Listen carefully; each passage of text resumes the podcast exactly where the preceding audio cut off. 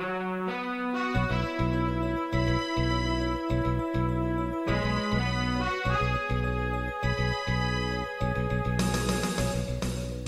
listening to Radio Free Asia.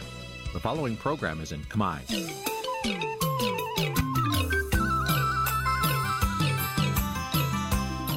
Nǐ chi càm bi tiệp xáy vệt chiu a zì sê ray នេះជាកម្មវិធីផ្សាយរបស់ Vithu Azisari ជាភាសាខ្មែរ វត្តឈូអាស៊ីសេរីសូមស្វាគមន៍លោកអ្នកនាងទាំងអស់ពីរដ្ឋធានី Washington នៃសហរដ្ឋអាមេរិកបាទខ្ញុំបាទយ៉ងច័ន្ទដារាសូមជម្រាបសួរលោកអ្នកនាងអ្នកស្ដាប់វិទ្យុអាស៊ីសេរីទាំងអស់ជាទីមេត្រីបាទខ្ញុំបាទសូមជូនកម្មវិធីផ្សាយសម្រាប់យប់ថ្ងៃប្រហោះ6កើតខែមិញឆ្នាំថោះបញ្ញស័កពុទ្ធសករាជ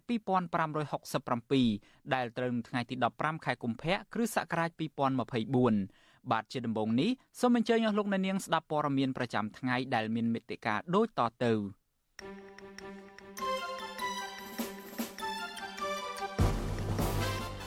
សហគមន៍ខ្មែរនឹងស្នើសុំជួបនាយរដ្ឋមន្ត្រីអូស្ត្រាលីដើម្បីជជែកពីបញ្ហាប្រជាធិបតេយ្យនៅកម្ពុជាលោកនាយរដ្ឋមន្ត្រីហ៊ុនម៉ាណែតតែងតាំងប្អូនប្រុសរបស់លោកគឺលោកហ៊ុនម៉ាណីជាឧបនាយករដ្ឋមន្ត្រី ក្រុមហ៊ុនធ្វើអាជីវកម្មរ៉ែមាសនិងថ្មម៉ាពីកន្លែងនៅក្នុងខេត្តក្រចេះបង្កផលប៉ះពាល់ដល់សុខភាពរបស់ប្រជាពលរដ្ឋនៅតំបន់នោះ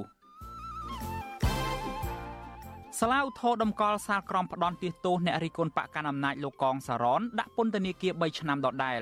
រួមនឹងព័ត៌មានសំខាន់ៗមួយចំនួនទៀត។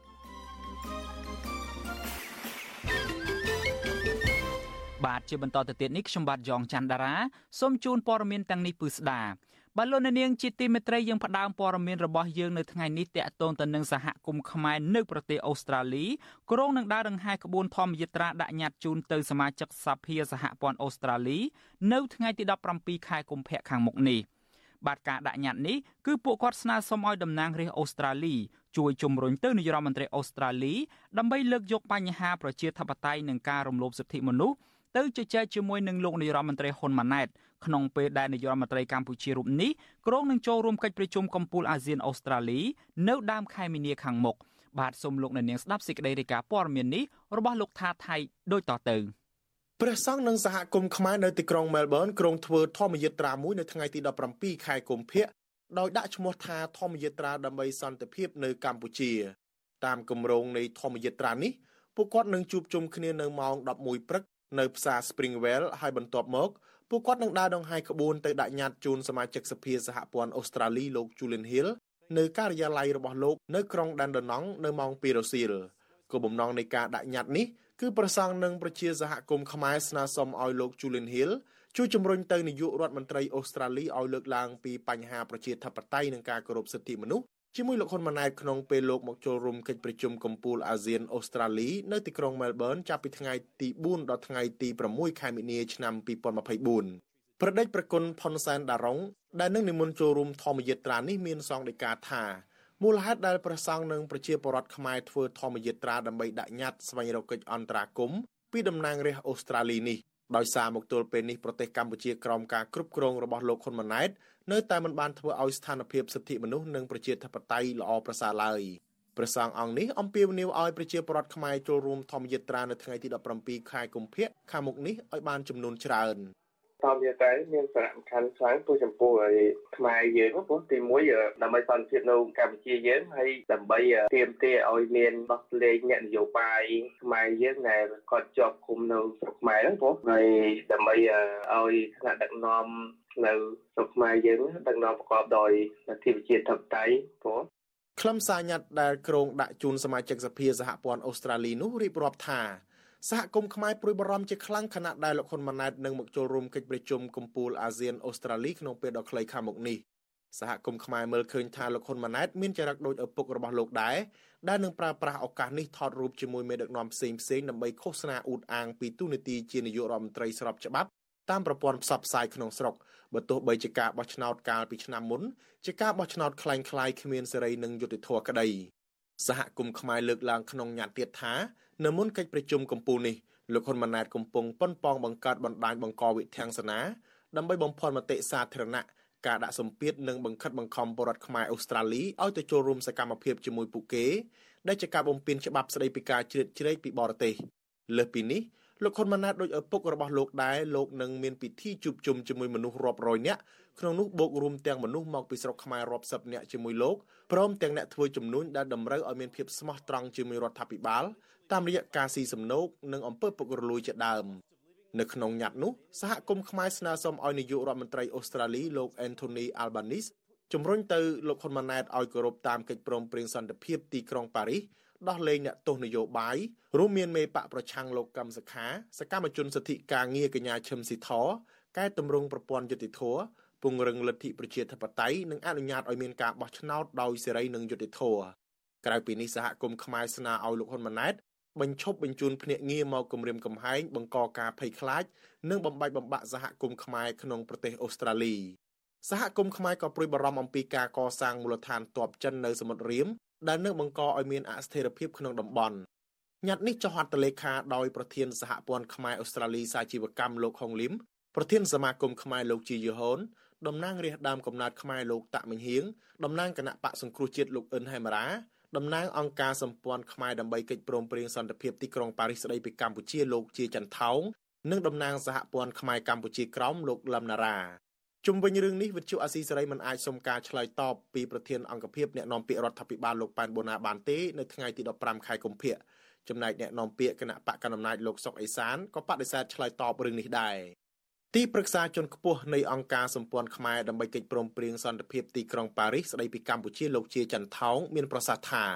ការដាក់ញត្តិរបស់សហគមន៍ខ្មែរនេះដើម្បីឲ្យរដ្ឋាភិបាលអូស្ត្រាលីបន្តដឹងឮអំពីរដ្ឋាភិបាលកម្ពុជាសប្តាហ៍ថ្ងៃនេះនៅតែរំលោភសិទ្ធិមនុស្សប្រជាធិបតេយ្យការមិនអនុវត្តឲ្យបានគ្រប់ជ្រុងជ្រោយតាមស្មារតីកិច្ចព្រមព្រៀងសន្តិភាពទីក្រុងប៉ារីសជាពិសេសរដ្ឋាភិបាលកម្ពុជាបន្តបញ្ជូនភ្នាក់ងារមកបំបីបំបាក់សហគមន៍ខ្មែរ លោកសង្កេតឃើញថាក្រុមអ្នកកាន់អំណាចនៅកម្ពុជាសប្តាហ៍ថ្ងៃនេះជាក្រុមមនុស្សផ្ដាច់ការនឹងពុករលួយជាងមេដឹកនាំផ្ដាច់ការនៅប្រទេសផ្សេងផ្សេងទៀតដូចជាប្រទេសគុយបាជាដើម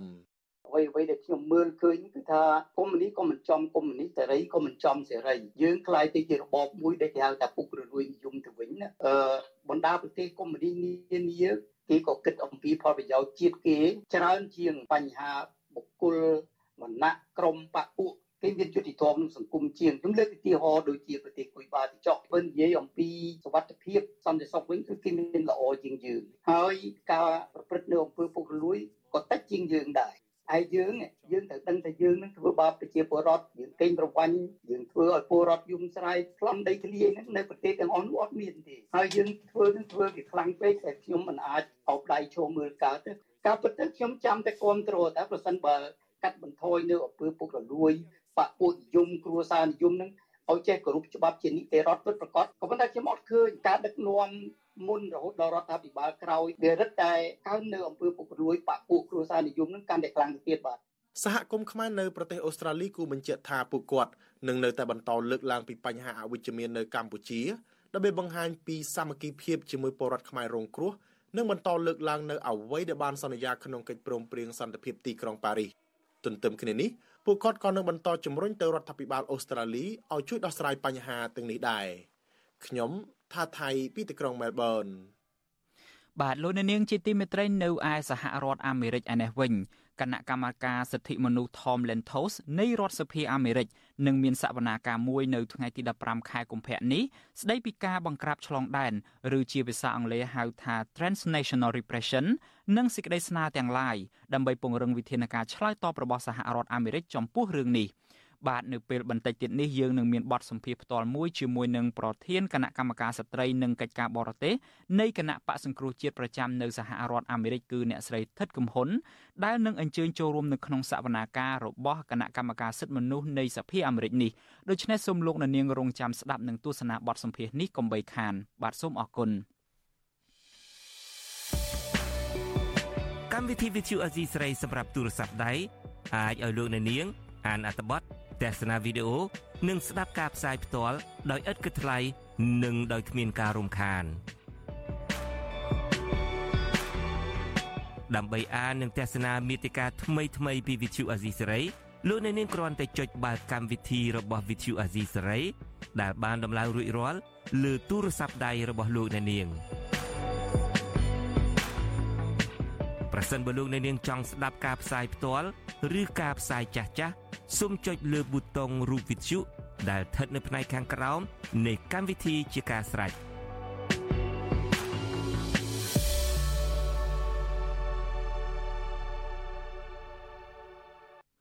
បាទលោកនាងជាទីមេត្រីយើងងាកមកចាប់អារម្មណ៍ពាក់ព័ន្ធទៅនឹងការបំពេញការងាររបស់តំណាងរាស្ត្រឯនេះវិញ អ្នកខ្លំមើលអ្នកខ្លំមើលសង្កេតឃើញថារដ្ឋសភានីតិកាលទី7នេះហាក់ដូចជាអសកម្មនៅក្នុងការដោះស្រាយបញ្ហារបស់ប្រជាពលរដ្ឋដែលកំពុងតែជួបប្រទះការលំបាកនៅក្នុងជីវភាពរស់នៅប្រចាំថ្ងៃហើយប្រជាពលរដ្ឋខ្លះទៀតរងភាពអយុត្តិធម៌នៅក្នុងសង្គមពួកគាត់បញ្ជាក់ថាភាពអសកម្មនេះកើតឡើងដោយសារតែតំណាងរាស្ត្រមកពីគណៈបកនយោបាយដើរតាមតែគន្លងគោលនយោបាយគណៈបករបស់ខ្លួន ជាជាងអនុវត្តទៅតាមទួនាទីនៅក្នុងនាមជាអ្នកតំណាងរាស្ត្រនោះ បាទនេះជាសេចក្តីរាយការណ៍ព័ត៌មានរបស់លោកសេកបណ្ឌិតអតីតមន្ត្រីគណៈបកប្រឆាំងលើកឡើងថា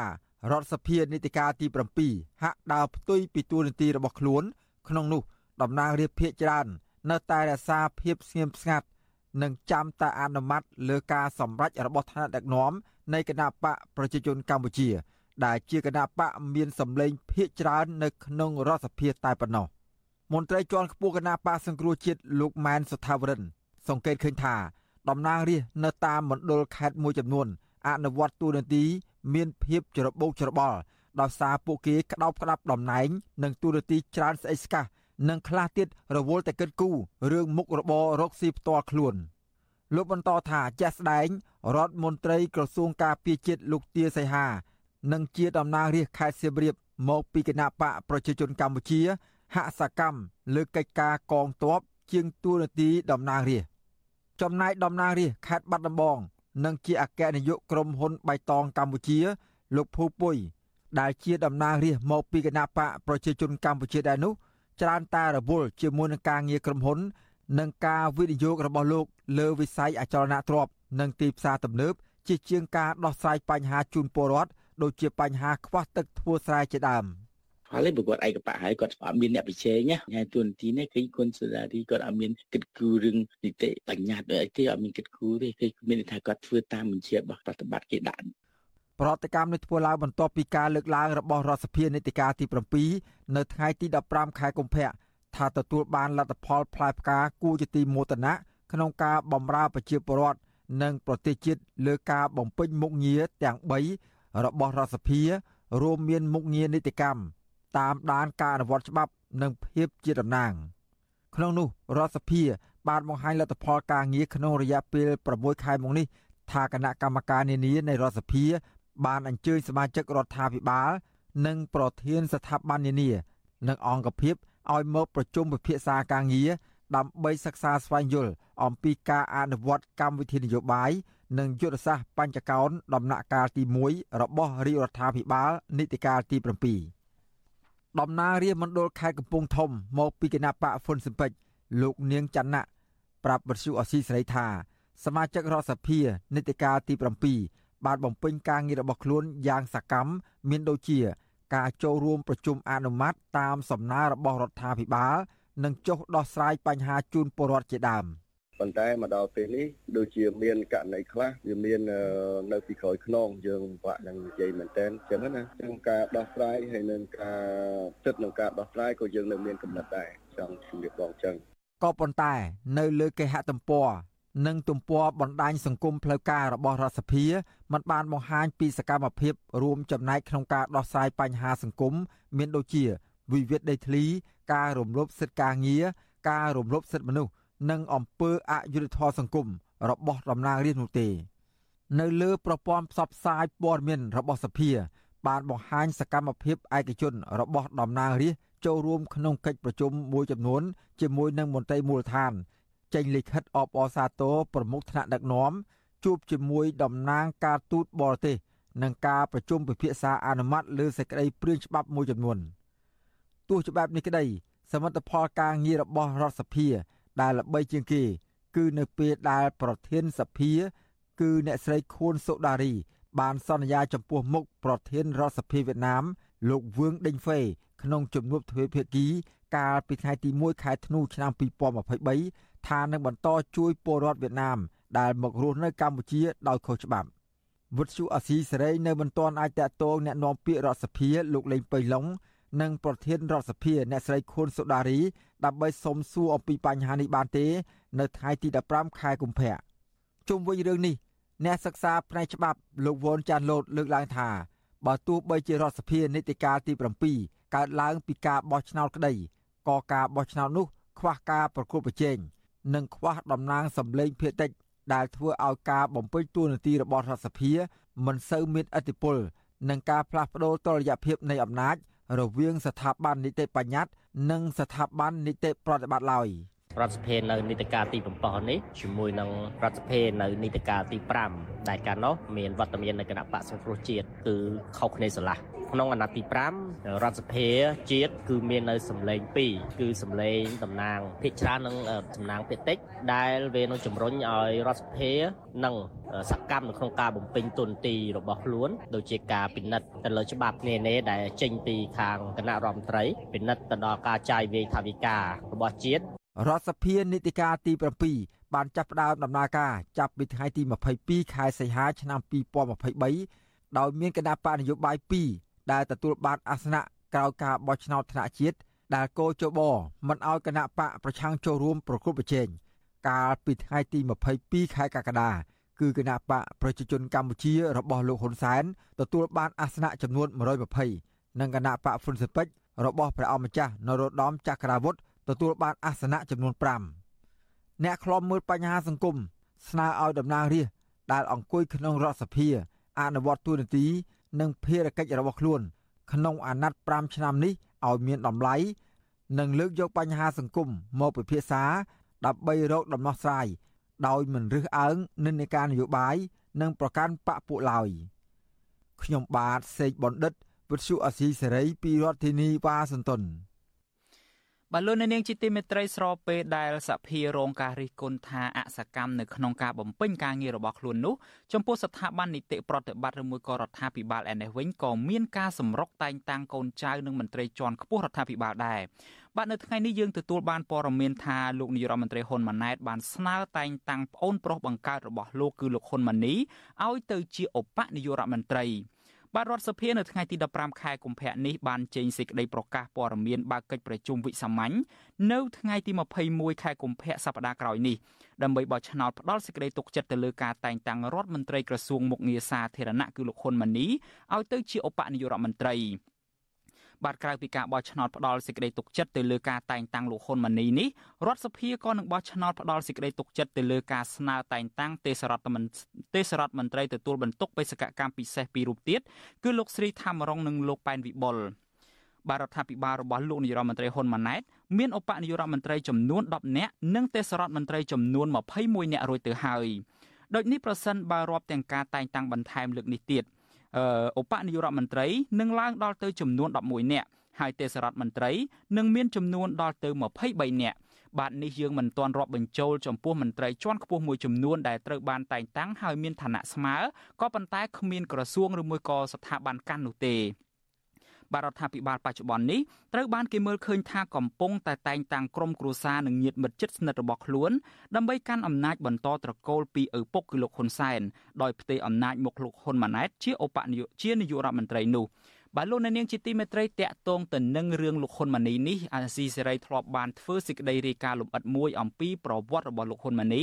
ទាំងសេចក្តីរាយការណ៍ជាវីដេអូក៏មានទាំងអត្ថបទក៏មានដូច្នេះប្រសិនបើលោកអ្នកនាងចង់ទៅអានព័ត៌មានលម្អិតអំពីប្រវត្តិរបស់លោកហ៊ុនម៉ាណីថាតើលោកធ្លាប់មានរឿងអាស្រូវអ្វីខ្លះលោកធ្លាប់បានសាងស្នាដៃអ្វីខ្លះសម្រាប់គណៈបករបស់លោកហើយនឹងសម្រាប់សង្គមនោះលោកអ្នកនាងអាចចូលទៅកាន់គេហទំព័ររបស់ Vuthu Azizi Serai គឺ www.kh www.rfa.org/hunmani បាទខ្ញុំបាទសូមបញ្ជាក់ម្ដងទៀតថាសេចក្តីរាយការណ៍នេះក៏មានជាវីដេអូដែរដូច្នេះសូមលោកអ្នកនាងចូលទៅស្វែងរកប្រវត្តិរបស់លោកហ៊ុនម៉ាណីជាវីដេអូនេះនៅលើទំព័រ Facebook អាស៊ីសេរីនិង YouTube របស់ Vithu អាស៊ីសេរីបាទសូមអរគុណ បាទលោកអ្នកនាងជាទីមេត្រីយើងងាកមកចាប់អារម្មណ៍ព័ត៌មានមួយទៀតគឺតាក់ទងទៅនឹងដំណើរធម្មយាត្រាលើកកម្ពស់សិលធម៌សង្គមរបស់ព្រះអង្គសំកំសាទវិញក្បួនធម្មយាត្រាលើកកម្ពស់សិលធម៌សង្គមរបស់ប្រដេចប្រគុណសំកំសាទជាមួយនឹងអតីតអ្នកទស្សនយោបាយនិងបច្ចុប្បន្នជាសកម្មជនសង្គមគឺលោកអុកពេជ្រសំណាង បានធ្វើដំណើរទៅដល់ខេត្តកំពង់ឆ្នាំងហើយនៅរសៀលថ្ងៃទី15ខែកុម្ភៈនេះ បាទធម្មយាត្រានេះមានប្រជាពលរដ្ឋនៅតាមផ្លូវជាតិលេខ5ចេញមកស្វាគមន៍លើកទឹកចិត្តនិងប្រគេនចង្ហាន់ដល់ព្រះអង្គជាបន្តបន្ទាប់។បឋមយាត្រារបស់ព្រះអង្គសំកំសាន្តនេះគឺថាចាប់ផ្ដើមចេញពីទីលានប្រជាធិបតេយ្យនៅក្នុងរាជធានីភ្នំពេញកាលពីព្រឹកថ្ងៃទី2ខែកុម្ភៈដោយឆ្លងកាត់ខេត្តចំនួន8ដោយក្រុងនៅនឹងបញ្ចប់នៅភ្នំអត្តរសនៅក្នុងស្រុកឧដុង្គខេត្តកំពង់ស្ពឺដែលមានចម្ងាយផ្លូវជិត700គីឡូម៉ែត្រ បាត់ដំណើរធម្មយាត្រានេះមានការគម្រាមកំហែងពីសំណាក់អាជ្ញាធរជាបន្តបន្ទាប់ជាពិសេសនៅក្នុងខេត្តកំពង់ចាមសៀមរាបបាត់ដំបងនិងខេត្តពោធិ៍សាត់បាទជាបន្តទៅទៀតនេះសូមលោកអ្នកនាងទស្សនាវីដេអូខ្លីមួយអំពីដំណើរធម្មយាត្រារបស់ព្រះអង្គសំកំសាទនេះដូចតទៅនៅពេលនេះមកចិត្ត3ហើយញោមអាត្មាដែលធ្វើធម្មយាត្រាឡានតាមជាប់ហើយកម្លាំងសិវិលផងបលិសផងនឹងអាជ្ញាធរធ្វើសកម្មភាព មិនគួរគប់មុខក្រោយមុខក្រោយមុខក្រោយដោយថាតាមដានថតថតអត់ចេះចប់បោហើយមួយយ៉ាងទៀតសកម្មភាពនេះអឺបើសណាម្នាក់ពីរនាក់ក៏មិនថាទេមានតាំងពីឡាន មានតាំងពីម៉ូតូក៏កឹកក៏ក្រែងអាត្មាហាក់បីដូចជាអាត្មានឹងជាអ្នកទោសពោតែអាត្មាជឿថាអឺនេះជាបទបញ្ជារបស់អបបាលគណៈអបបាលខេត្តពូរិស័ទតែម្ដងដើម្បីធ្វើយ៉ាងណាឲ្យអាត្មា มันបានសឹងនៅក្នុងបឹងខ្នានឹងពោធម្មយត្រា តាំងពីខេត្តកំពង់ចាមកំពង់ធំសៀមរាបអឺបន្ទាយមានជ័យបាត់ដំបងទុកឲ្យមានបញ្ហាចំនួនធ្លាស់ធ្លាប់ចាប់អាត្មាវាយខ្នោះក៏ក៏មិនដល់ខេត្តបរិស័ទម្ដងហ្នឹងវាវាវាពិបាកអានឹងហើយចឹងបានអាត្មាចេញសារនៅបើថាវាមានទៅទៅទៅបាញ់ចោលតែម្ដងទៅបើវាសាហាវណាស់ជប់ញោមមើលទៅណាញោមបើ បើតាមខ្ញុំឃ្លាំមើលរាល់សកម្មភាពនៃការធ្វើចរាចរណ៍វាលំបាកបំផុតគឺមន្ត្រីស្ថាប័ននៃតាមគោលដៅនីមួយនីមួយហ្នឹងហើយតាមបទបញ្ជានីមួយមួយហ្នឹងគឺឃើញគាត់របៀបអត់មានសោះគាត់ធ្វើតែរំខានឧទាហរណ៍ថាមានពលរដ្ឋម្នាក់ឈប់ឡានឬក៏ឈប់ម៉ូតូអីមកស្វាគមន៍ព្រះអង្គថតពីមុខថតពីក្រោយទៀនចេះទៀនចុះហើយតាំងមក គៀបសង្កត់ក្នុងផ្នែកហ្នឹងបាទខ្ញុំបាទសង្កេតមើលឃើញប្រទេសជាតិយើងដុនដាបមែនទែនក្នុងការរួមប្រស្រ័យជាមួយនឹងអឺសិលធម៌សង្គមកាលណាគាត់មានភាពចាស់ទុំជាមនុស្សអឺគេហៅក្នុងផ្លូវច្បាប់ហើយតែគាត់លេងសើចដូចកូនក្មេងអញ្ចឹងចឹងប្រទេសជាតិយើង បើប្រសិនណាមានអ្នកដឹកនាំរបៀបហ្នឹងហើយបន្តនៃការដឹកនាំបន្តក្នុងរបៀបហ្នឹងប្រទេសអាច គ្រោះថ្នាក់មហន្តរាយដោយសារតែការដឹកនាំនោះបាទ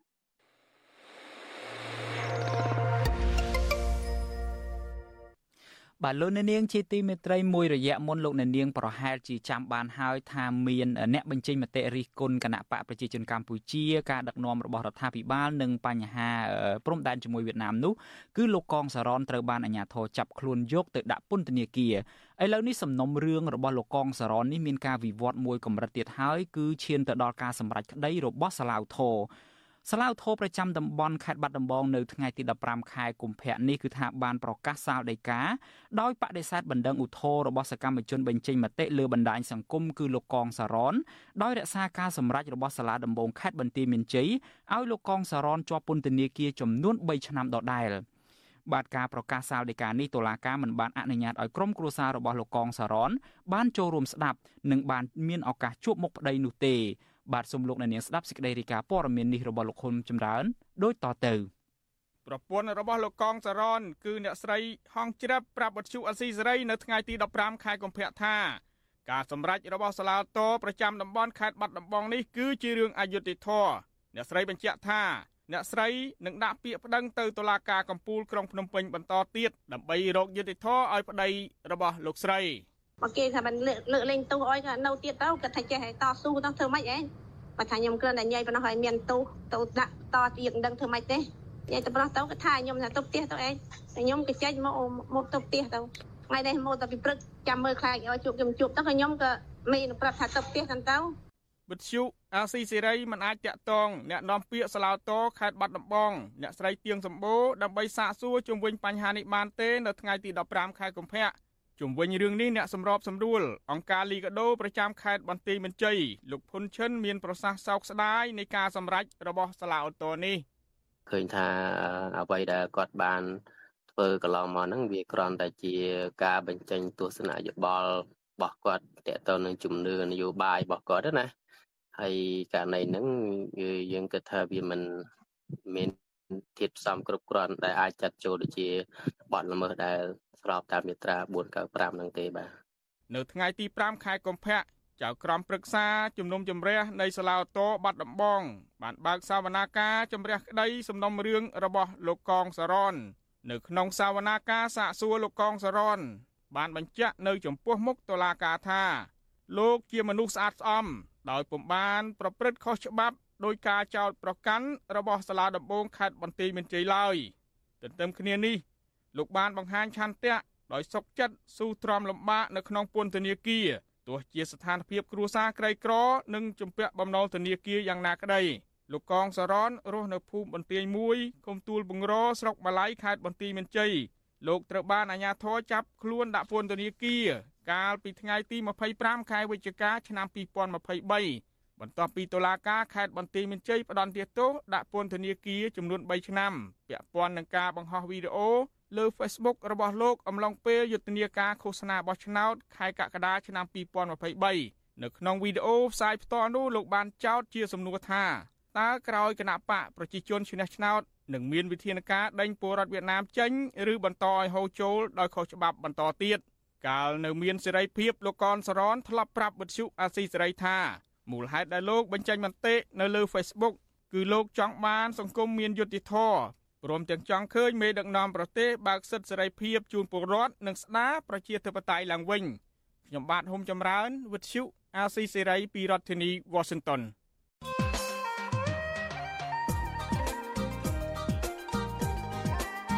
បាទលោកអ្នកនាងជាទីមេត្រីអ្នកជំនាញព្រំដែនសម្ដែងមន្ទិលសង្ស័យពីផលចំណេញបានមកពីគម្រោងសិក្សាបូមយកប្រេងនិងអ៊ូស្មាន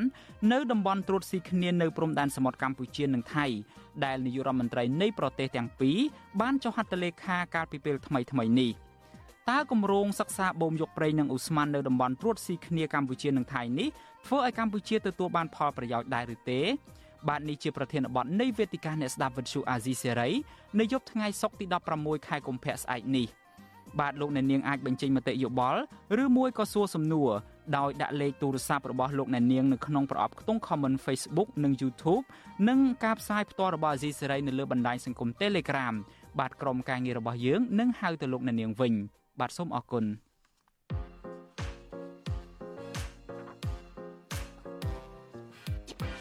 នេះជំរាបសួរ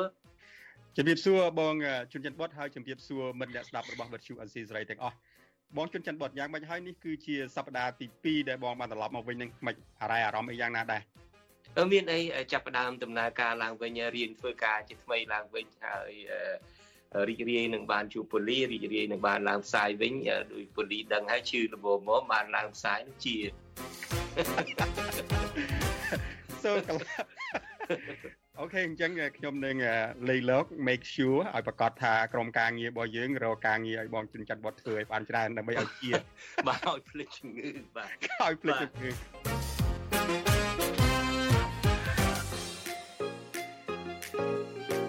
បាទដោយសារតែការឆ្លាញ់អឺអ្វីដែលយើងមានអ្វីដែលយើងចេះយើងនៅតែឆ្លាញ់វា ហើយយើងមើលទៅឃើញកីឡាករក្មេងៗចំនួនក្រោយឃើញគាត់ធ្វើឃើញមានចំណុចខ្វះខាតច្រើនដល់អញ្ចឹងទៅយើងមើលទៅវាគេហៅថាទឹកភ្នែកអញ្ចឹងយើងគេជួយបំពេញបន្ថែមជួយណែនាំជួយប្រាប់ទៅតាមការ live តាមការបង្ហាញជា clip ខ្លីៗ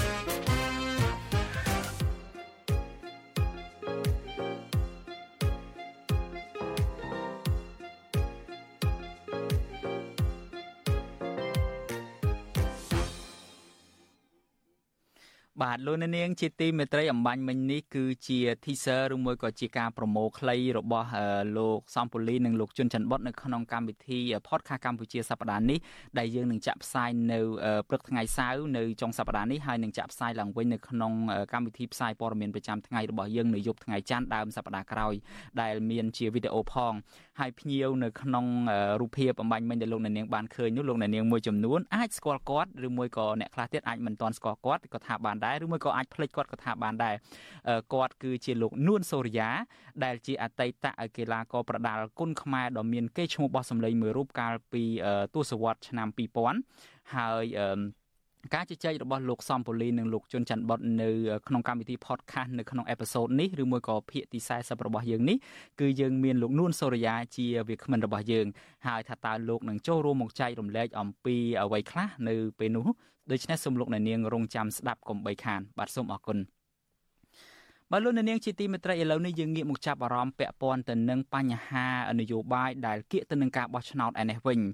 គណៈកម្មាធិការជាតិរៀបចំការបោះឆ្នោតហៅកាត់ថាកោជបនិងក្រសួងមហាផ្ទៃ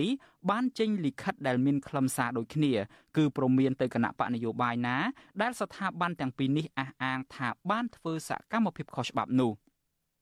បាទសេចក្តីប្រកាសព័ត៌មានរបស់ក្រសួងមហាផ្ទៃនិងគោចបនៅថ្ងៃទី15ខែកុម្ភៈនេះបានលើកឡើងថា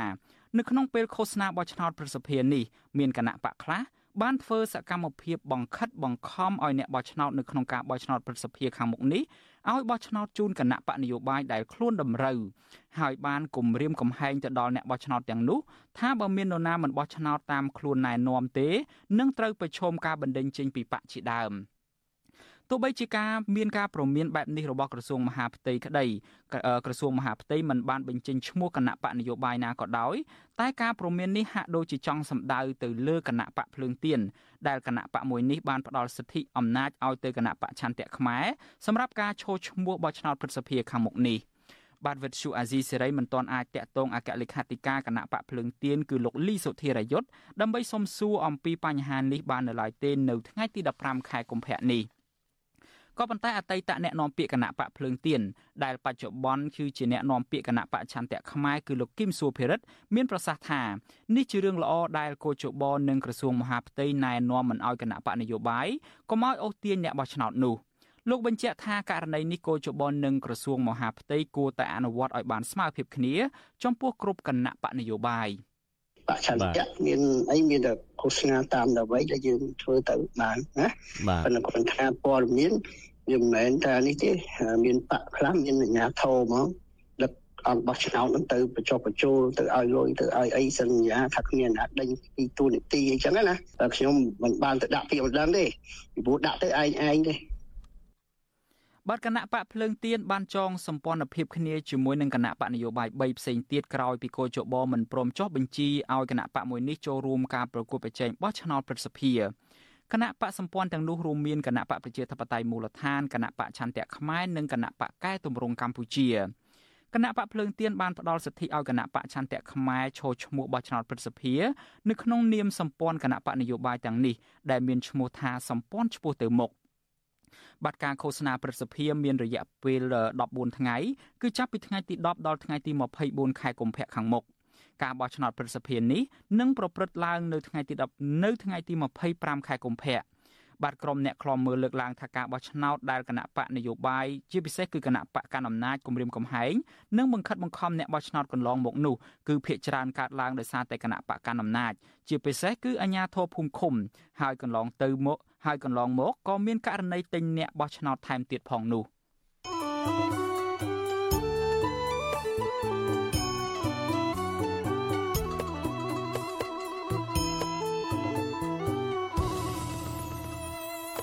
បាទលោកអ្នកនាងជាទីមេត្រីយើងងាកទៅចាប់អារម្មណ៍ពាក់ព័ន្ធទៅនឹងសកម្មភាពរបស់ក្រុមហ៊ុនធ្វើអាជីវកម្មរ៉ែមាសនិងថ្មនៅក្នុងខេត្តក្រចេះឯណោះវិញប្រជាពលរដ្ឋរស់នៅក្នុងតំបន់អូត្រូននៃខេត្តក្រចេះអះអាងថាមានក្រុមហ៊ុនចំនួន2កំពុងតែធ្វើអាជីវកម្មរ៉ែមាសនិងថ្មម៉ាបបានបង្កផលប៉ះពាល់ដល់ប្រជាពលរដ្ឋរស់នៅតំបន់នោះអ្នកភូមិបានស្នើឲ្យអាជ្ញាធរនិងក្រុមហ៊ុនជួយរកដំណោះស្រាយឲ្យប្រជាពលរដ្ឋ បាទមន្ត្រីសង្គមស៊ីវិលយល់ឃើញថាអាញាធរត្រូវកែតែគិតគូរពីសុខទុក្ខរបស់ប្រជាពលរដ្ឋនិងត្រូវតែដោះស្រាយទៅតាមសំណើរបស់ពួកគាត់បាទនេះជាសេចក្តីរាយការណ៍ព័ត៌មានរបស់អ្នកស្រីសុជីវីប្រជាពលរដ្ឋនៅតំបន់អូត្រូនភូមិអូត្រូនឃុំក្បាលដំរីស្រុកអូក្រៀងសែនជ័យខេត្តក្រចេះអះអាងថាក្រុមហ៊ុនទាំងពីរនោះរួមមានក្រុមហ៊ុនស៊ីងយ័នគួងយិចធ្វើអាជីវកម្មរ៉ែមាសគ្រប់គ្រងកាកសំណល់មិនបានត្រឹមត្រូវហូរទឹកកខ្វក់ចូលអូធម្មជាតិ និងក្រុមហ៊ុនសម្បូរ Morning ដឹកជញ្ជូនថ្មម៉ាបធ្វើឲ្យខូចខាតផ្លូវដីហុយប៉ះពាល់សុខភាព និងដឹកថ្មធ្វើឲ្យធ្លាក់ពីលើរថយន្តបង្កគ្រោះថ្នាក់ដល់អ្នកភូមិជាបន្តបន្ទាប់អ្នកភូមិចង់ឲ្យក្រុមហ៊ុនទាំងពីរគ្រប់គ្រងអាជីវកម្មរបស់ខ្លួនកុំឲ្យមានផលប៉ះពាល់ទៅដល់ប្រជាពលរដ្ឋនៅតំបន់នោះហើយអាជ្ញាធរត្រូវតែមានវិធានការទៅលើក្រុមហ៊ុនណា ដែលបង្កផលប៉ះពាល់ដល់ពលរដ្ឋ តំណាងសហគមន៍ភូមិអូត្រូនលោកចនច័ន្ទថនប្រាប់វិទ្យុអាស៊ីសេរីនៅថ្ងៃទី15ខែកុម្ភៈថាក្រុមហ៊ុនធ្វើអាជីវកម្មថ្មម៉ាបកំពុងការយកថ្មជាង20កន្លែងហើយបានដឹកជញ្ជូនធ្វើឲ្យខូចខាតផ្លូវដីហុយប៉ះពាល់សុខភាពនិងមានថ្មធ្លាក់ពីលើរថយន្តបង្កគ្រោះថ្នាក់ដល់ប្រជាពលរដ្ឋជាបន្តបន្ទាប់លោកព្រួយបារម្ភខ្លាចគ្រោះថ្នាក់ដល់អាយុជីវិតដោយសារកន្លងទៅអាជ្ញាធរមិនមានដំណោះស្រាយសមរម្យណាមួយដល់ពលរដ្ឋឡើយ គាត់ថាខ្ញុំបារម្ភអាការហុយហ្នឹងវាថាវាហុយគេថាវាខូចសុខភាពជាជនតាមដងផ្លូវទី1ហើយអាទី2ដែលបារម្ភខ្លាំងហ្នឹងបាត់បង់សម្បត្តិធនធានធម្មជាតិខ្មែរយើងបងយើងឲ្យក្រុមហ៊ុនបរទេសមកវិនិយោគហ្នឹងយើងវិនិយោគដូចថាគេតាមថាធ្វើនំអត់ម្សៅក៏មានដែរហើយគេចំណេញច្រើនរដ្ឋយើងហ្នឹងវាបានតិចលោកចនច័ន្ទថនចង់ឃើញរដ្ឋាភិបាលគិតគូរថែរក្សាសម្បត្តិជាតិប្រសើរជាងបណ្ដោយឲ្យក្រុមហ៊ុនឯកជនទាំងនោះបំផ្លាញ និងមិនបានប្រយោជន៍អ្វីដល់ជាតិជាដុំកំភួនឡើយរីឯសកម្មជនចលនាមេដាធម្មជាតិលោកលីច័ន្ទរាវុធឲ្យដឹងថាលោកមិនគាំទ្រចំពោះគម្រោងដែលបង្កឲ្យមានផលប៉ះពាល់ទៅដល់ប្រជាពលរដ្ឋនោះទេហើយរាល់គម្រោងទាំងនោះមិនមានផលចំណេញដល់ប្រទេសជាតិដែរដោយសារកន្លងទៅថ្មីថ្មីនេះរដ្ឋាភិបាលបានលើកលែងពន្ធនាំចេញថ្មទៅក្រៅប្រទេសលោកបន្ថែមថារដ្ឋាភិបាលត្រូវតែសិក្សាឲ្យបានត្រឹមត្រូវ និងមានដំណាភាពនៅលើគម្រោងទាំងនោះដើម្បីកុំឲ្យមានផលប៉ះពាល់ដល់ពលរដ្ឋយុទ្ធសាស្ត្ររដ្ឋាភិបាលគួរតែធ្វើការការពារធនធានធម្មជាតិនៅក្នុងប្រទេសកម្ពុជាដោយយកចិត្តទុកដាក់ជាជាងការទាញយកធនធានធម្មជាតិទាំងអស់នោះនៅក្នុងលបឿនមួយដ៏លឿនហើយមួយទៀតហ្នឹងគឺបំផ្លិចបំផ្លាញអ្វីដែលមានស្រាប់ជាពិសេសគឺភ្នំដូចនេះវាមិនសមហេតុផលតទៅសោះដែលយើងត្រូវដូរធនធានធម្មជាតិដ៏មានតម្លៃរបស់យើងជាមួយនឹងចំនួនដែលមិនផ្ដល់ផលចំណេញដល់កម្ពុជាតទៅសោះបាទ ជុំវិញរឿងនេះវិទ្យុអាស៊ីសេរីមិនអាចតាក់ទងអភិបាលខេត្តក្រចេះលោកវ៉ាថននិងប្រធានមន្ទីររ៉ែនិងធម្មពលខេត្តក្រចេះលោកសុកគិរីរតដើម្បីសុំការអធិប្បាយបានទេនៅថ្ងៃទី15ខែកុម្ភៈដោយសារទូរស័ព្ទចូលតែគ្មានអ្នកលើកសហគមន៍លើកឡើងថាក្នុងមួយថ្ងៃក្រុមហ៊ុនសម្បូរមុនីងដឹកជញ្ជូនថ្មតាមរថយន្តចាប់ពី70គ្រឿងទៅ100គ្រឿងទៅលក់នៅប្រទេសវៀតណាមនិងប្រទេសចិនចំណែកក្រុមហ៊ុនចិនសឹងយ័នខ្វាងយិចវិញ អង្គការសមត្ថកិច្ចកម្ពុជាបានរកឃើញថាក្រុមហ៊ុននេះកំពុងធ្វើឲ្យប៉ះពាល់បរិស្ថាននៅជុំវិញតំបន់ដែលប្រជាពលរដ្ឋកំពុងរស់នៅសពថ្ងៃកាលពីថ្ងៃទី29ខែកញ្ញាឆ្នាំ2023អគ្គនាយកនៃអគ្គនាយកដ្ឋានគយនឹងរដ្ឋកោកម្ពុជា លោកគុណញឹម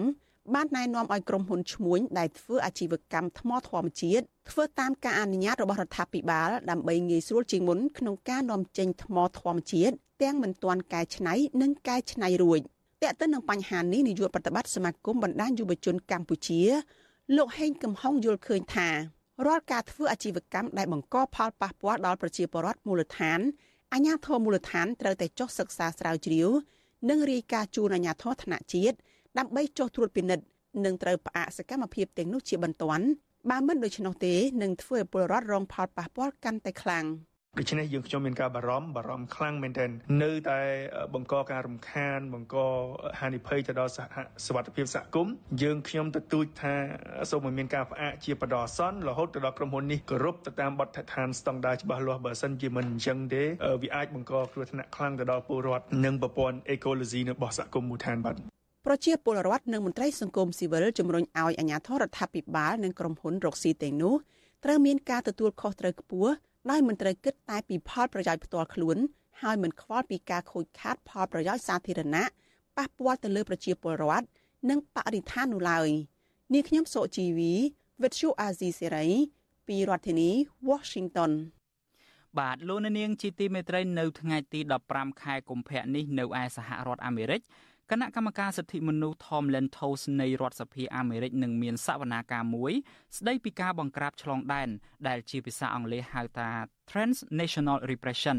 និងសេចក្តីស្នើទាំងឡាយដើម្បីពង្រឹងវិធានការឆ្លើយតបរបស់សហរដ្ឋអាមេរិកចំពោះរឿងនេះ។ បាទនៅពេលបន្តិចទៀតនេះយើងនឹងមានបទសម្ភាសន៍ផ្ទាល់មួយជាមួយនឹងប្រធានគណៈកម្មការស្ត្រីនិងកិច្ចការបរទេសនៃគណៈបកសង្គ្រោះជាតិប្រចាំសហរដ្ឋអាមេរិកគឺអ្នកស្រីថិតកំហ៊ុនដែលអ្នកស្រីនឹងអញ្ជើញចូលរួមនៅក្នុងសវនាការនេះដូច្នេះសូមលោកអ្នកនាងរងចាំស្ដាប់និងទស្សនាបទសម្ភាសន៍នេះកុំបីខានបាទសូមអរគុណ។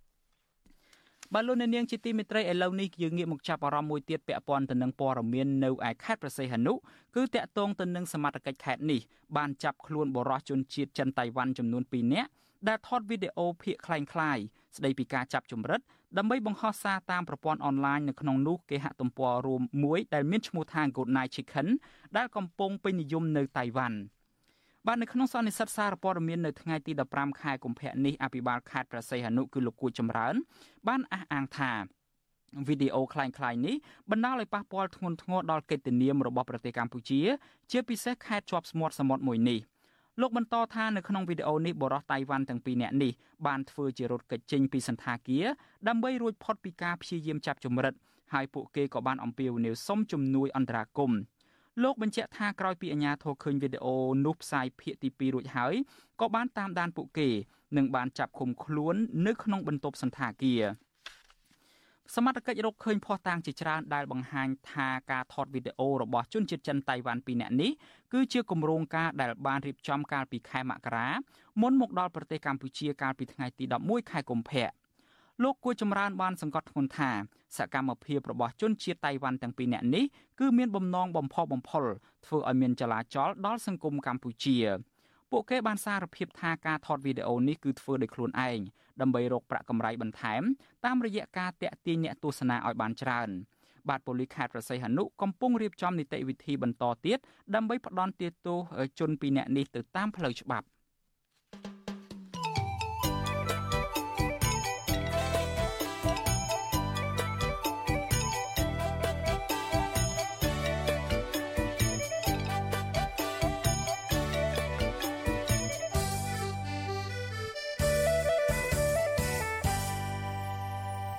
បាទលោកអ្នកនាងជាទីមេត្រីមួយរយៈពេលចុងក្រោយនេះលោកអ្នកនាងបានឃើញហើយគឺថាមានករណីផ្ទុះការតវ៉ាជាបន្តបន្ទាប់របស់អតិថិជនដែលទិញបូរីពិភពថ្មី បាទពួកគាត់បានបន្តតវ៉ាទាមទារដើម្បីស្នើសុំឲ្យមានដំណោះស្រាយសមស្របចំពោះពួកគាត់ពីសំណាក់ថៅកែក្រុមហ៊ុនបូរីពិភពថ្មីនេះបាទជាបន្តទៅទៀតនេះសូមលោកអ្នកនាងទស្សនាវីដេអូខ្លីមួយអំពីសកម្មភាពតវ៉ារបស់ប្រជាពលរដ្ឋដែលជាអតិថិជនរបស់បូរីពិភពថ្មីនេះដូចតទៅ។ ចឹងពួកខ្ញុំបន្តដំណើរទៅដល់ផ្ទះទេវតារបស់ពួកខ្ញុំដើម្បីឲ្យលោកជួយព្រោះឥឡូវខ្ញុំខ្ញុំមកបងផ្ទះហ្នឹងខ្ញុំជពាក់គេច្រើនដែរហ្មងដោះអត់តន់ចាញ់ជពាក់ទាំងធនាគារអស់ទាំងលុយពីខ្លួនហើយខ្ញុំប្រឈមច្រើនបងអត់អាចទទួលយកបាននេះខ្ញុំគ្រាន់តែចង់បានសំណងបន្តិចបន្តួចយកទៅធ្វើដើមរកស៊ីខ្ញុំដោះបំណុលគេទៅ ខ្ញុំសូមឲ្យខាងបរិយជួយដោះស្រាយនិងសិក្សាជាថ្មីអត់មានមកដល់ចាក់សោផ្ទះគេរឹបអូសយកទាំងទេវាអត់សមជាបរិយឈ្មោះល្បីមួយធ្វើធ្វើដោះស្រាយរបៀបហ្នឹងអត់មានបញ្ជូនដំណឹងអីមកយើងមានមកដល់កັບសោយកចាក់សោហើយបានដល់ពេញផ្ទះសួរថាពួកខ្ញុំទៅដល់ណាហើយឲ្យពួកខ្ញុំនៅស្ងៀមធ្វើម៉េច2ឆ្នាំហើយបង ហើយខ្ញុំទិញតម្លៃ54880ហើយក្នុងមួយខែខ្ញុំបង់566ដុល្លារហើយរយៈពេល2ឆ្នាំបើអញគិតមើលទៅហើយសួរថាឲ្យខ្ញុំចោលផ្ទះទៅទេទៅទេទៅឲ្យក្រុមហ៊ុនដែលអត់មានបានសំណងមិនព្រោះពីដំបូងដែលខ្ញុំទិញគឺបុរីបានសន្យាជាមួយខ្ញុំថាពេលដែលខ្ញុំអស់លទ្ធភាពពេលណាគឺបុរីនឹងទិញចូលវិញនៅ50%នៃប្រាក់ដែលបានបង់ដល់ទៅពេលឥឡូវខ្ញុំយកទៅលក់បុរីបែរជានិយាយថាបុរីអត់មានគោលការណ៍ទិញចូលនិយាយទៅខ្ញុំអត់សុខចិត្តទេបងដោយសារអី ដោយសារតែខ្ញុំរងចាំដំណោះស្រាយពីខាងក្រសួងទើបខ្ញុំអត់មានដឹងថាផ្ទះគេត្រូវមករឹបអូសឬក៏គេត្រូវមកបិទกระดาษត្រូវមកចាក់សោអញ្ចឹងទេដល់ទៅពេលមកឃើញភ្ញាក់ផ្អើលសួរថាឲ្យខ្ញុំនៅស្ងៀមមិនខ្ញុំអត់នៅស្ងៀមទេបងព្រោះផ្ទះផ្ទះរបស់ខ្ញុំកម្លាំងញើឈាមរបស់ខ្ញុំហើយខ្ញុំក៏ខ្ញុំអត់មានត្រូវការយកផ្ទះដែរខ្ញុំត្រូវការតែលុយ50%របស់ខ្ញុំមកវិញទេដោយអ្វីដែលគោលការណ៍បុរីបានសន្យាមួយខ្ញុំយកតែសន្យាអាស៊ីនទៅបាត់ហើយចាក់សោផ្ទះបខំឲ្យសញ្ញេប្រេបដៃ អត់មានដំណោះស្រាយឥឡូវនិយាយទៅគ្រប់ទាំងអស់បងស្អីដែលថានេះខ្ចីគេផងលក់របស់របរដូចជាឡានទ្រព្យសម្បត្តិមាសប្រាក់របស់របរលក់ទាំងអស់ដើម្បីយកមកបង់ផ្ទះទីបំផុតនៅតែមានបញ្ហាហើយអត់ដោះស្រាយឲ្យទៀតនេះដោយសារផ្ទះមានកិច្ចសន្យាផងនៅបរិយបំពេញចោះទាំងអន់តែផ្ទះអត់មានកិច្ចសន្យាទៀតតែបរិយទៅទៀមប៉ុណ្ណាយកឃើញអយុត្តិធម៌បងព្រោះផ្ទះខ្ញុំមានចាដល់តែ50%ទៀតហើយគាត់នៅតែធ្វើអញ្ចឹងគាត់យកផ្លាកមកកឹបហើយ គាត់ឲ្យយើងតែផ្តិតមេដៃហើយឲ្យយើងទៅសេថាផ្តិតដោយពុំមានការបង្ខិបបង្ខំចឹងសូមសំណូមពរដល់សម្ដេចពុកហើយនិងសម្ដេចបងមេតាជួយដោះស្រាយឲ្យពួកប្អូនផងព្រោះមានតែបងឯងចុងក្រោយហ្នឹងគឺចុងក្រោយហើយពួកប្អូនចាំអស់20ខែហើយបងបងបងបាក់នេះបាក់នេះបាក់នេះបាក់នេះ បាទលោកអ្នកនាងជាទីមេត្រីដោយខ្ញុំបាទបានជម្រាបជូនតាំងពីដើមកម្មវិធីហើយថានៅថ្ងៃនេះយើងនឹងមានការចូលរួមផ្ដល់បទសម្ភាសជាមួយពីសំណាក់អ្នកស្រីធិតកំហ៊ុនដែលជាប្រធានគណៈកម្មការស្ត្រីនិងកិច្ចការបរទេសនៃគណៈបព្វសង្គ្រោះជាតិប្រចាំនៅសហរដ្ឋអាមេរិកហើយនៅពេលនេះលោកស្រីបានមានវត្តមាននៅក្នុងស្ទូឌីយោផ្សាយរបស់យើងហើយដូច្នេះខ្ញុំបាទសូមជម្រាបសួរអ្នកស្រីធិតកំហ៊ុនបាទចាជម្រាបសួរលោកយ៉ាងច័ន្ទរាបាទ អរគុណច្រើនអ្នកស្រីធិតកំហ៊ុនដែលបានឆ្លៀតពេលនៅក្នុងការបំពេញបេសកកម្មការងារមកកាន់រដ្ឋធានី Washington នេះដើម្បីមកផ្ដល់បទសម្ភាសន៍បន្ថែមជាមួយនឹងវិទ្យុអាស៊ីសេរីតាក់ទងទៅនឹងវិធានការរបស់សហរដ្ឋអាមេរិកតាក់ទងទៅនឹងការគៀបសង្កត់ការបង្ក្រាបឆ្លងដែននេះនឹងដូច្នេះសំណួរជាដំបូងរបស់ខ្ញុំទៅកាន់អ្នកស្រីធិតកំហ៊ុនចង់ឲ្យអ្នកស្រីជួយរៀបរាប់បន្តិចអំពីកម្មវិធីដែលអ្នកស្រីយកមកចូលរួមនៅពេលនេះថាតើ កម្មវិធីដែលខាងគណៈកម្មការសិទ្ធិមនុស្ស Tom Lantos នៃរដ្ឋសភាអាមេរិកគេធ្វើនៅថ្ងៃនេះជាកម្មវិធីយ៉ាងម៉េចហើយមានសមាជិកភាពចូលរួមពីណាខ្លះបាទចាអឺគឺកម្មវិធីនេះគឺសំខាន់ណាស់នៅក្នុងនឹងដោយលោកយងចន្ទរាបានលើកឡើងមកអញ្ចឹងគឺជាកម្មវិធីដែលតាក់ទងទៅនឹងការគម្រាមកំហែងឆ្លងដែនហើយការគម្រាមកំហែងឆ្លងដែននេះ មិនមែនតែគម្រាមកំហែងទៅលើប្រជាពលរដ្ឋខ្មែរទៅលើប្រជាជនណាក៏ដោយដែលមានការគម្រាមកំហែងពីជនផ្ដាច់ការនៅក្នុងប្រទេសរបស់ខ្លួនហើយឆ្លងដែនមកដល់ប្រទេសដូចជាសហរដ្ឋអាមេរិកនេះតែម្ដងគឺការឆ្លងដែនគម្រាមកំហែងឆ្លងប្រទេសតែម្ដងអញ្ចឹងនៅក្នុងនឹងដោយមានគណៈកម្មការ Tom Mentos នឹងគឺបានយកនៅ ការធ្វើ hearing បានន័យថាការយកកោះហៅប្រជុំនឹងជាដំណឹងជូនទៅដល់សាធារណៈជាពិសេសគឺទៅដល់ដូចជានៅក្នុងរដ្ឋសភាក៏ដូចជាព្រឹទ្ធសភានៅក្នុងសហរដ្ឋអាមេរិកនេះដើម្បីចូលរួមប្រជុំក្នុងនោះគឺមានការចូលរួមបង្កើតកម្មវិធីនឹងដោយសមាជិករដ្ឋសភាគឺលោក Congressman គឺរដ្ឋសភា Christopher Smith គឺ Chris Smith ដែលគាត់គឺជាអ្នកដែលដូចផ្ដើមចាប់ផ្ដើមធ្វើនៅសេចក្តីស្នើច្បាប់មួយឈ្មោះថាសេចក្តីស្នើច្បាប់ការបំពេញឆ្លងដែននៅក្នុងសហរដ្ឋអាមេរិកនេះក៏ដោយគឺគឺបានធ្វើនៅសេចក្តីស្នើច្បាប់ហ្នឹងហើយគាត់ជារួមគ្នានឹងដែរក៏គាត់បានធ្វើនៅសេចក្តីស្នើច្បាប់មួយឈ្មោះថាសេចក្តីស្នើច្បាប់អឺ គឺការគោរពប្រជាធិបតេយ្យក៏ដូចជាគោរពសិទ្ធិមនុស្សនៅក្នុងប្រទេសកម្ពុជាហៅជាភាសាអង់គ្លេសហៅថា HR 4659 44659 Cambodia Democracy and Human Rights Act of 2023អញ្ចឹងទាំងអស់ហ្នឹងឯងមានសារៈសំខាន់ណាស់បានត្រូវយើងទាំងអស់គ្នាក្នុងនាមជាប្រជាពលរដ្ឋខ្មែរហើយនៅក្នុងនោះទៀតដែរក៏មានការចូលរួមនៅអ្នកដែលចូលរួមនិយាយហ្នឹងមានទាំងខាងអង្គការផ្សេងផ្សេងដូចជាអង្គការទទួលគេហៅថា ផ្ទះសម្រាប់ប្រជាធិបតេយ្យគឺ Freedom House ក៏បានចូលរួមហើយមកពីខាងប្រទេសនៅក្នុងមកពីខាងហុងកុងដូចគ្នាដែរក៏ចូលរួមដែរហើយមកពីខ្មែរយើងក៏មានអ្នកកសែតដែលចូលរួមជាមួយគ្នាដែរដែលមានការរងការគៀបសង្កត់តំណាងឲ្យខ្មែរយើងដូចគ្នាដែរអញ្ចឹងនៅក្នុងនាមយើងជាអ្នកដើម្បីបំពេញនាវឲ្យមានសេចក្តីស្នើច្បាប់ផ្សេងផ្សេងហ្នឹងជាពិសេសគឺការឆ្លងដែនការរំលោភបំពានឆ្លងដែនឆ្លងប្រទេសហ្នឹងគឺយើងត្រូវតែចូលរួមនៅក្នុងហ្នឹងហើយយើងមានបងប្អូនខ្មែរយើងនៅចិត្តចិត្តនេះនឹងចូលរួមដូចគ្នាដែរដើម្បីចូលរួមស្ដាប់និងលើកកម្ពស់នៅពន្លឿនដើម្បីពង្រឹងនៅសេចក្តីស្នើច្បាប់នោះឲ្យបានទៅជាច្បាប់ជាជាធរមានចា៎បាទអញ្ចឹងមានន័យថាកម្មវិធីនៅថ្ងៃនេះនិយាយដោយសង្ខេបដោយខ្លីមានន័យថាជាការប្រមូលធិតចូលបន្ថែមហើយនឹងការបំផុសឲ្យមានការយល់ដឹងកាន់តែច្រើនអំពី ការធ្វើច្បាប់ដែលឈានទៅដល់ដាក់ទោសទណ្ឌឬមួយក៏ឆ្លើយតបឲ្យមានប្រសិទ្ធភាពចំពោះរដ្ឋាភិបាលឬមួយជនទាំងឡាយណាដែលគេចាត់ទុកថាបានប្រព្រឹត្តនៅសកម្មភាពបង្ក្រាបឆ្លងដែនឬមួយហៅថាជា transnational repression នឹងមិនចឹងបាទចាចាត្រឹមត្រូវណាស់ចាចាអញ្ចឹងដូចសារតែដូចជាការគម្រាមកំហែងយើងឃើញហើយមិនមែនត្រឹមតែគម្រាមកំហែងទៅលើអ្នកដែល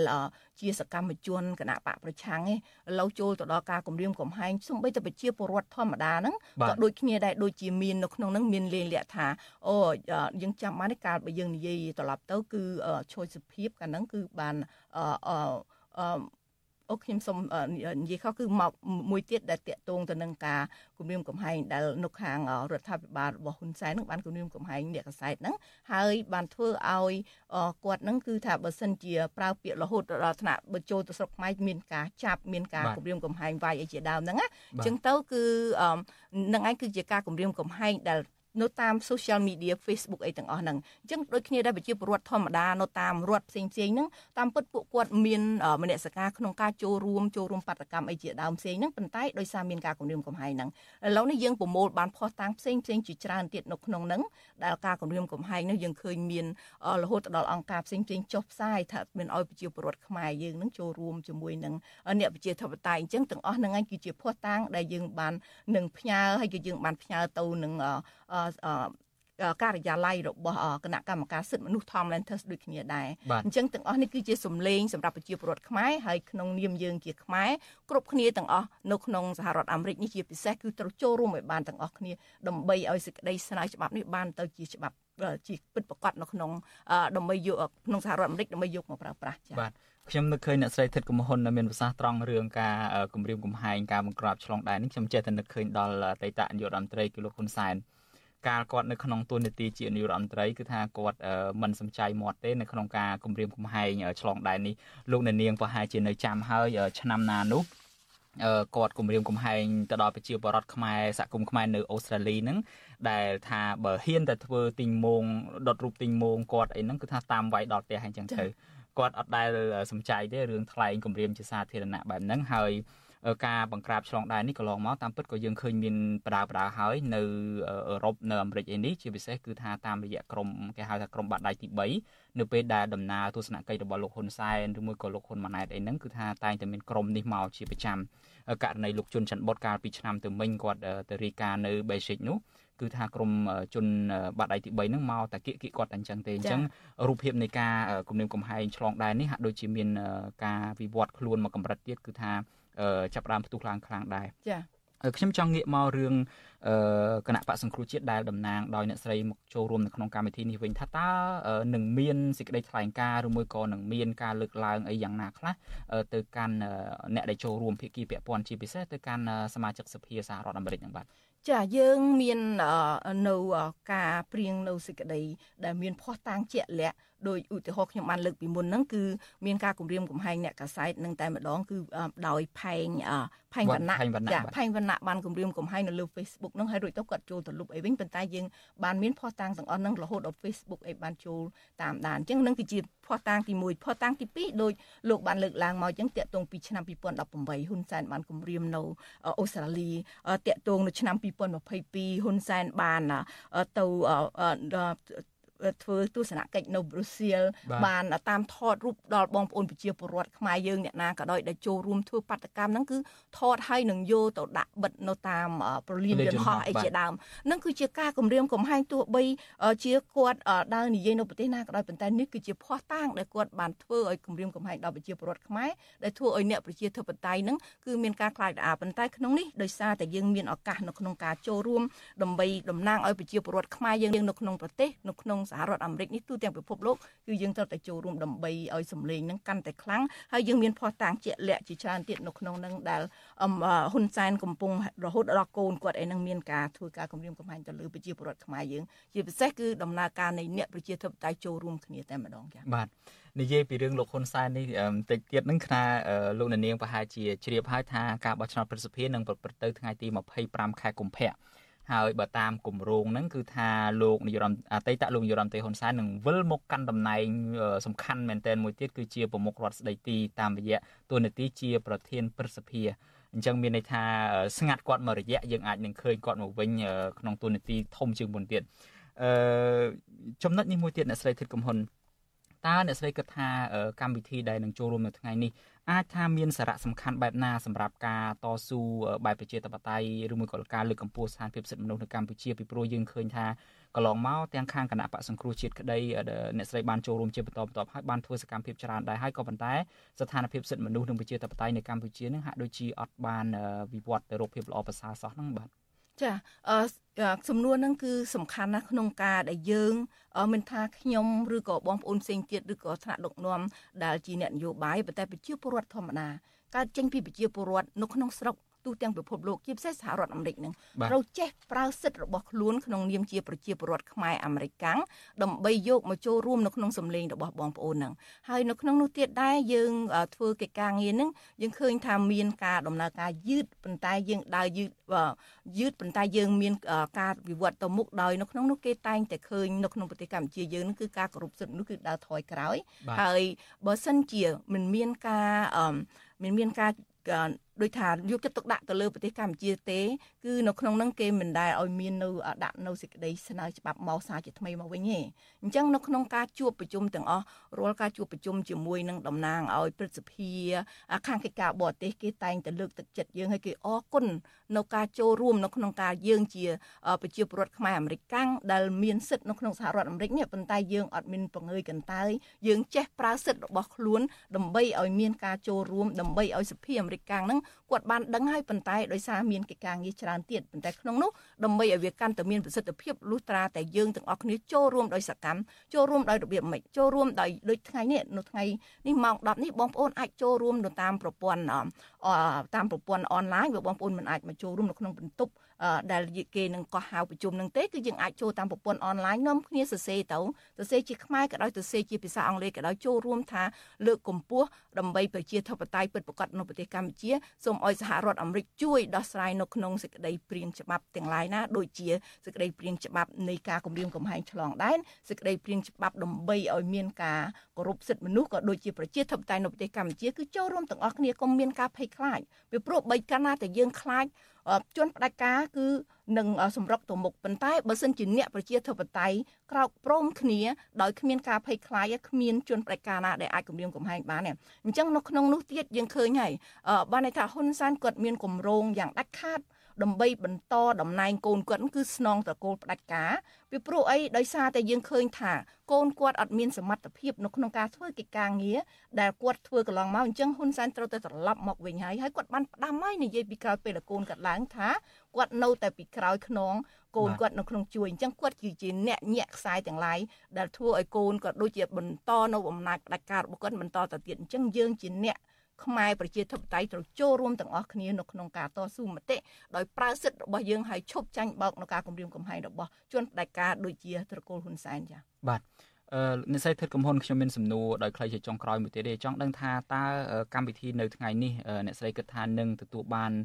ផ្លែផ្កាឬមួយក៏លទ្ធផលអ្វីបន្ថែមទៀតមានន័យថាបន្ទាប់ពីនឹងទៅនឹងមានដំណើរការអីយ៉ាងម៉េចទៀតតកតងទៅនឹងរឿងច្បាប់ឬមួយក៏សេចក្តីស្នើទាំងឡាយដែលខាងគណៈបកសង្គ្រោះជាតិឬមួយក៏អ្នកពាក់ព័ន្ធបានដាក់ចេញទៅកន្លងមកទៅតាមរយៈសមាជិកសភាអាមេរិកហ្នឹងបាទ ចាខ្ញុំថាបន្ទាប់ពីថ្ងៃដែលយើងប្រជុំនេះទៅបន្ទាប់ពីការ hearing នេះទៅនឹងមាននៅការយកសេចក្តីស្នើច្បាប់ជាពិសេសគឺការគម្រាមការគម្រាមកំហែងឆ្លងដែនឬក៏ឆ្លងប្រទេសនេះទៅដាក់ធ្វើជា mock up បានន័យថាយកទៅបោះឆ្នោតនៅក្នុងព្រឹទ្ធសភាជាន់ខ្ពស់ដែលគេនឹងនឹងធ្វើការ mock up នឹងអញ្ចឹងពេលដែលគេបានយកទៅធ្វើការបោះឆ្នោតគឺ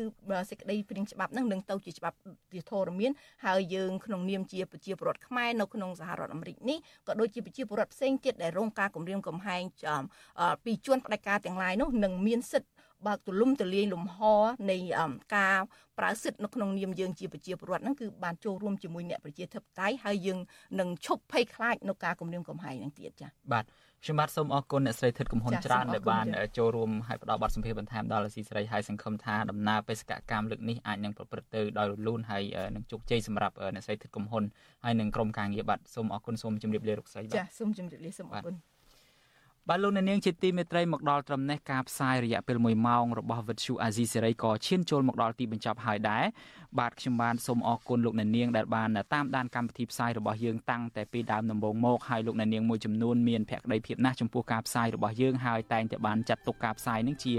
ផ្នែកមួយនៃសកម្មភាពប្រចាំថ្ងៃរបស់លោកអ្នកនាងលោកអ្នកនាងនៅតែអាចគ្រប់គ្រងយើងបានតាមរយៈការចុច like ចែករំលែកឬមួយក៏ share ការផ្សាយរបស់យើងនឹងទៅដល់ក្រុមគ្រួសារ